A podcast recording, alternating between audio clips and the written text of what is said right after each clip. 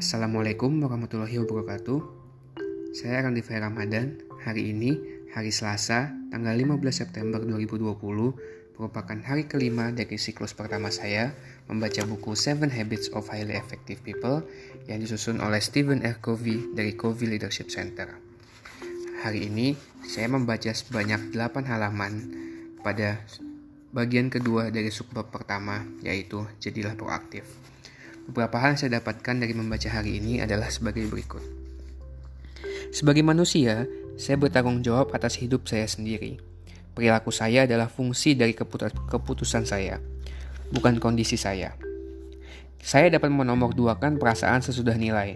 Saya mempunyai inisiatif dan tanggung jawab untuk membuat segala sesuatu menjadi terjadi.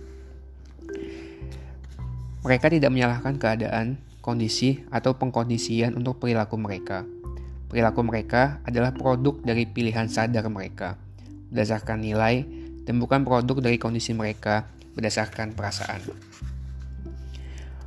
Bukan apa yang terjadi pada diri saya, melainkan respon saya terhadap apa yang terjadi pada diri saya lah yang akan menyakiti saya sendiri. Viktor Frankl mengemukakan bahwa ada tiga nilai pokok dalam kehidupan, yakni pengalaman atau yang terjadi pada diri saya, kreativitas atau atau yang saya adakan dan sikap atau respon saya menghadapi keadaan yang sulit seperti penyakit yang mematikan. Keadaan yang sulit sering menciptakan perubahan paradigma, kerangka acuan yang seluruhnya baru yang digunakan orang-orang ini untuk melihat dunia dan diri mereka dan orang-orang lain di dalamnya, dan apa yang dituntut oleh kehidupan mereka. Berikut adalah poin-poin yang saya dapatkan dari membaca pada hari ini. Kurang lebihnya mohon maaf. Selamat malam. Wassalamualaikum warahmatullahi wabarakatuh.